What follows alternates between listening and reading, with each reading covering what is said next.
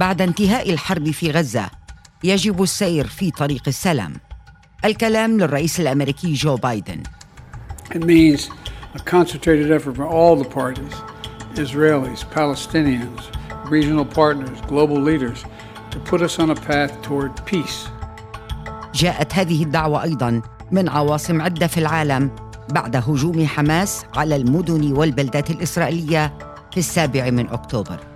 قد وجهت لكم الدعوة اليوم نناقش معا ونعمل على التوصل إلى توافق محدد على خارطة طريق تستهدف إنهاء المأساة الإنسانية الحالية وإحياء مسار السلام من خلال عدة محاور.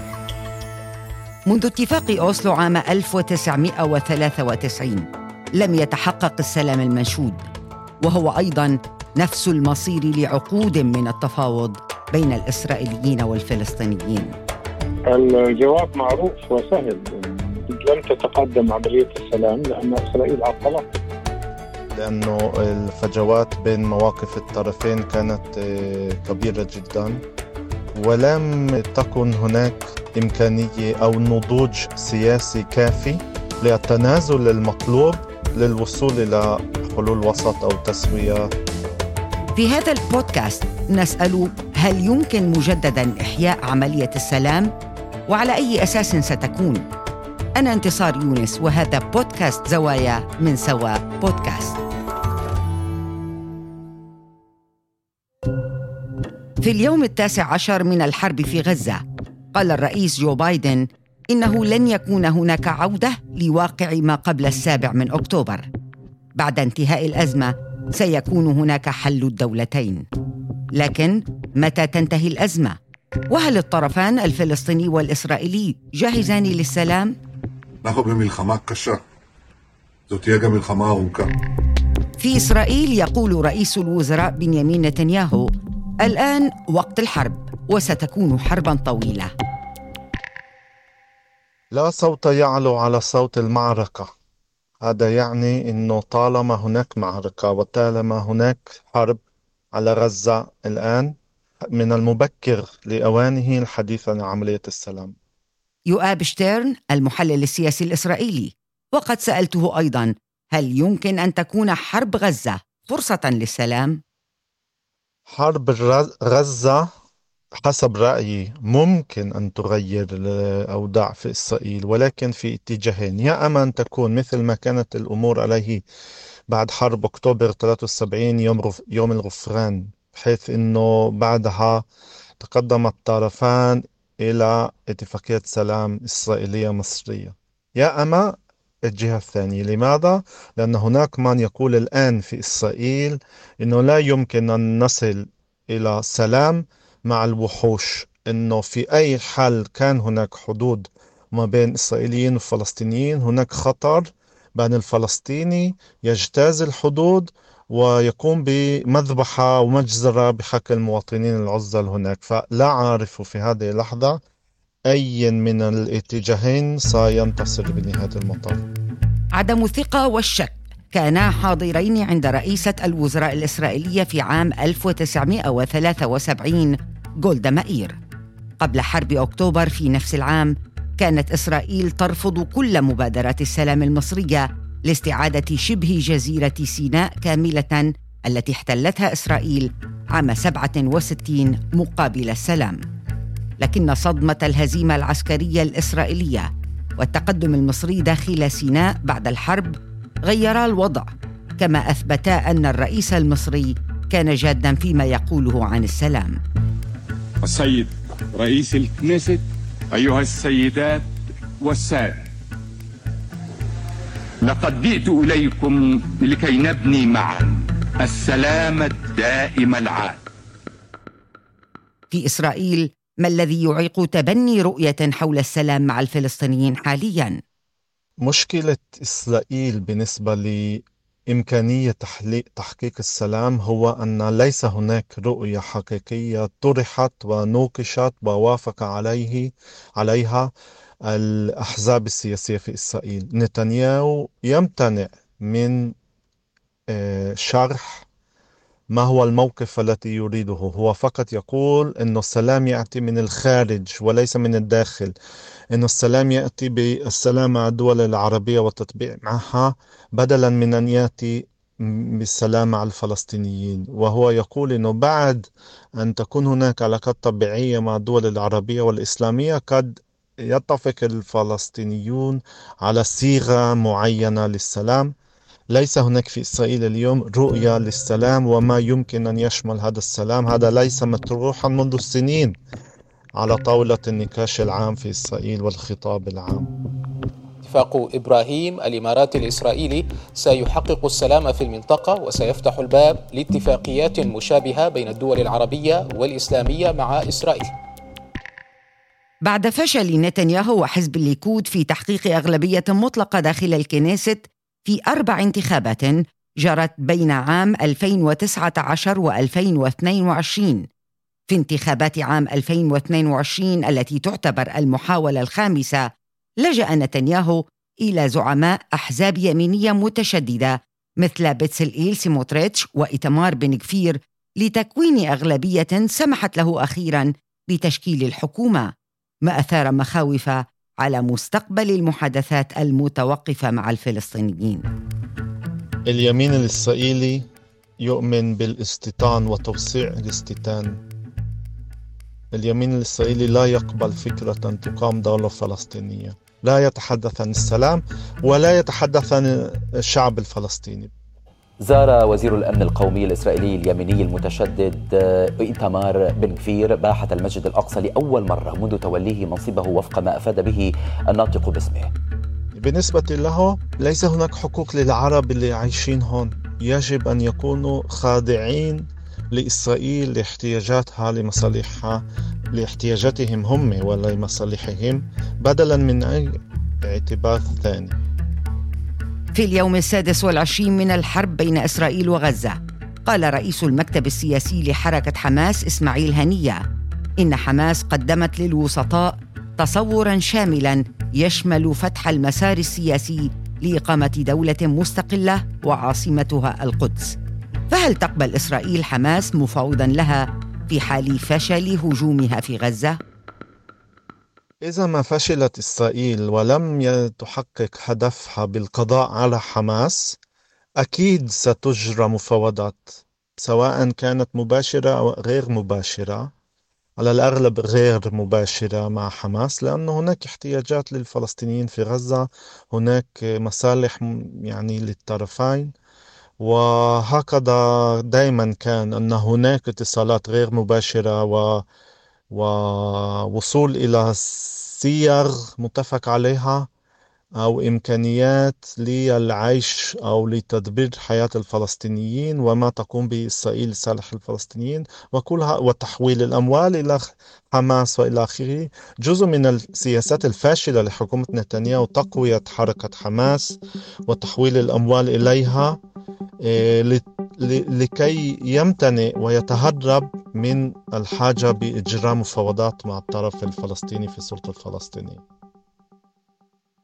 في هذا الجزء نعود سنوات إلى الوراء مع الأمين العام للمبادرة الوطنية الفلسطينية مصطفى البرغوثي لنفهم كيف انطلقت عملية السلام بين إسرائيل والفلسطينيين ولماذا لم تتقدم.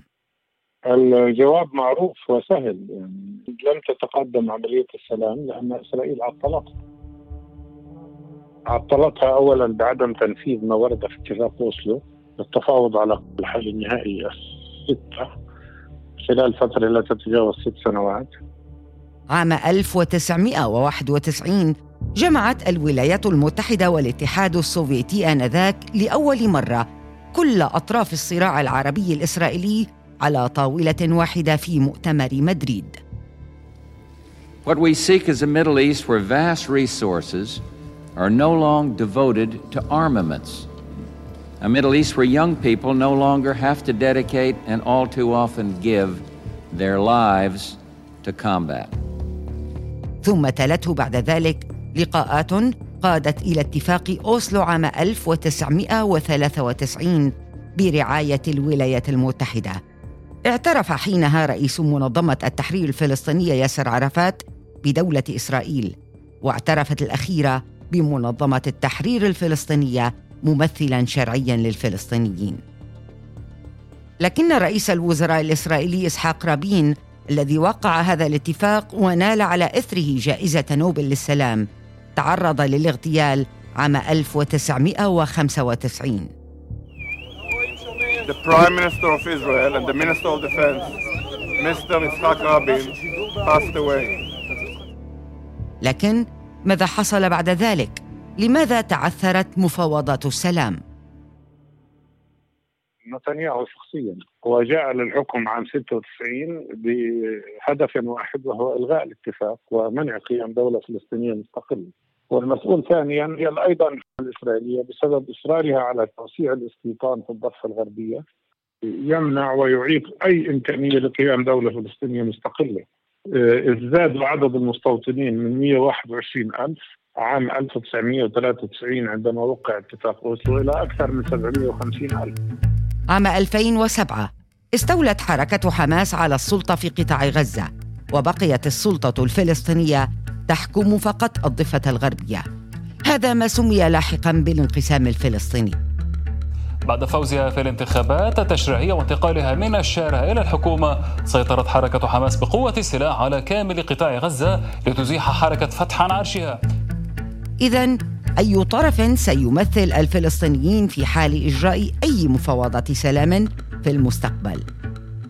لم يشكك أحد في حق منظمة التحرير في أن تمثل الفلسطينيين ولكن إسرائيل هي التي أوقفت كل المفاوضات معهم منذ عام 2014 أعلنت إسرائيل أنها قررت إيقاف مفاوضات السلام مع السلطة الفلسطينية غداة مصالحة بين منظمة التحرير وحركة حماس التي تسيطر على قطاع غزة.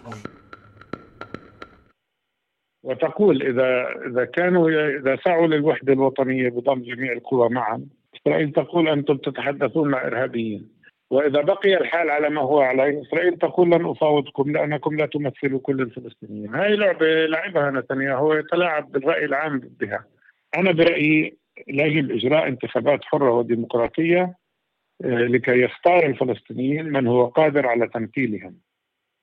في الحادي والعشرين من أكتوبر الماضي عقد مؤتمر القاهرة الدولي للسلام بينما كانت الحرب في غزة تشتد وتتسارع وتيرتها. رئيس السلطة الفلسطينية محمود عباس طالب في القمة بتحقيق السلام وتطبيق حل الدولتين. فهل واقعيا هذا هو الحل المتاح؟ لا يوجد سوى واحد من ثلاث خيارات. الخيار الأول إزالة المستوطنات الإسرائيلية من جميع الأراضي المحتلة بما فيها كل الضفة الغربية وعندها يمكن أن تكون دولة مستقلة ويقال أن هناك حل دولتين. إذا نجحوا في تهجير الفلسطينيين في غزة سيكون البرنامج القادم تهجير أهل الضفة إلى الأردن. لن تكون دولة طبعا. البديل الثاني هو أن تكون دولة واحدة ديمقراطية يتساوى فيها الناس في الحقوق والواجبات. بغير ذلك لا يبقى سوى حل واحد وهو ما تحاول إسرائيل أن تفعله الآن وهو التطهير العرقي للشعب الفلسطيني كحل مشكلتها الديمغرافية. نعم. نتحدث أيضا بالافتراضات. إسرائيل وضعت هدف لها هو القضاء على حركة حماس. في حال لم يتحقق هذا الهدف ممكن تكون حماس شريك بالسلام. هل ممكن تقبل بالاعتراف بإسرائيل إذا قعدوا على طاولة مفاوضات؟ اولا ليس مطلوبا من حماس أن تعترف بإسرائيل بل مطلوب اولا ما هي منظمة التحرير هي التي تمثل الفلسطينيين وهي اعترفت بإسرائيل. لذلك المطلوب اولا أن تعترف إسرائيل بدولة فلسطينية مستقلة. آه، ليس مطلوبا من كل فصيل فلسطيني أن يعترف بإسرائيل، لأنه ولا فصيل ولا حزب إسرائيلي اعترف بدولة فلسطين أصلا. بس الجهاز الرسمي لدولة إسرائيل يجب أن يعترف بالدولة الفلسطينية، هذا لم يحدث بعد. وإذا كان وإسرائيل لن تستطيع أن تقضي على حماس لأنه حماس فكرة وليس مجرد تنظيم وبالتالي الفلسطينيون من حقهم أن يجروا انتخابات ديمقراطية حرة مثل ما يجري الإسرائيليون انتخابات ومن يختاره الفلسطينيين هو الذي يمثل الفلسطينيين. طيب في حال الرئيس بايدن عم يحكي عن آه، طريق للسلام الصينيين عم بيقولوا بدهم يطرحوا أو عم يطرحوا فكرة مؤتمر. مين الأطراف الضامنة اليوم لأي مقترح سلام؟ طبعا غير أمريكا. كل الدول الموجودة في مجلس الأمن يجب أن تكون مشاركة. لا تستطيع الولايات المتحدة أن تنفرد بإدارة عملية وهي منحازة بشكل مطلق لإسرائيل. في بودكاست زوايا سابق تحدثنا عن علاقة حماس بإيران وكيف باتت حاضرة بقوة في ملف الصراع الفلسطيني الإسرائيلي. في هذا البودكاست ننبش في مسار العلاقات بين حماس وإيران لنفهم كيف يرتبط اسم إيران في كل مرة تشتعل فيها الحرب بين حماس وإسرائيل. ليس إيران وحدها. هناك تركيا والخليج ومصر. هناك أيضا الاهتمام الدولي والمصالح الأمريكية للاستقرار في المنطقة. أمام كل هذا التشابك في هذا الملف وتضارب المصالح ما هي الصيغة الممكنة للسلام؟ كل في الماضي كانوا الإسرائيليين يقولوا المشكلة تدخل الاتحاد السوفيتي بطل في الاتحاد السوفيتي. بعدين صارت المشكلة مصر عبد الناصر راح عبد الناصر. بعدين صارت المشكلة العراق وسوريا. اليوم المشكلة إيران بجوز بكرة أذربيجان بنفش. المشكلة مش هدول. المشكلة الشعب الفلسطيني وجود احتلال للشعب الفلسطيني. عندما تعلن إسرائيل استعدادها لإنهاء الاحتلال لن يبقى مجال لأحد ليتدخل من الخارج. سنوات المفاوضات الفلسطينية الإسرائيلية الطويلة لا تخبرنا اليوم بأن إحياء عملية السلام سيكون امرا سهلا وفي متناول اليد. وكذلك الواقع بعد 7 أكتوبر أيضا يقول ربما أكثر من ذلك. احتمال تهجير سكان قطاع غزة إلى سيناء المصرية يقضي فعليا على حل الدولتين بحسب مصطفى البرغوثي. لا يتحدث الإسرائيليون رسميا عن ذلك لكن تقارير كثيرة قالت إن إسرائيل تعتزم تهجير الغزاويين وقد حذر الرئيس المصري علانية من ذلك.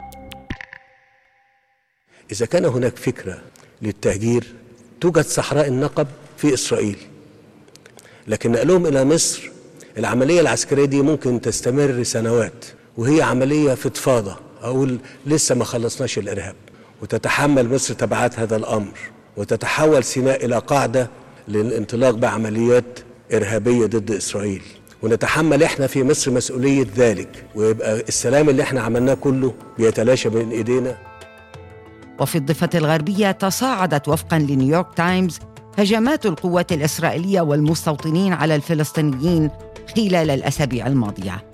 وصل العنف لأعلى مستوياته منذ 15 عاماً. حملة تسليح المدنيين والمستوطنين الإسرائيليين تزيد الشكوك حول السلام. فالجيش الإسرائيلي يعتزم تجنيد المستوطنين الذين لم يخضعوا للتدريب العسكري ووضعهم كرجال دفاع إقليمية في منطقة إقامتهم بحسب تقارير بينها تقارير إسرائيلية. كان هذا بودكاست زوايا من سوا بودكاست. إعداد وكتابة انتصار يونس. شارك في الإعداد عبد العالي الزهار. مراجعة مينيرفا داغر.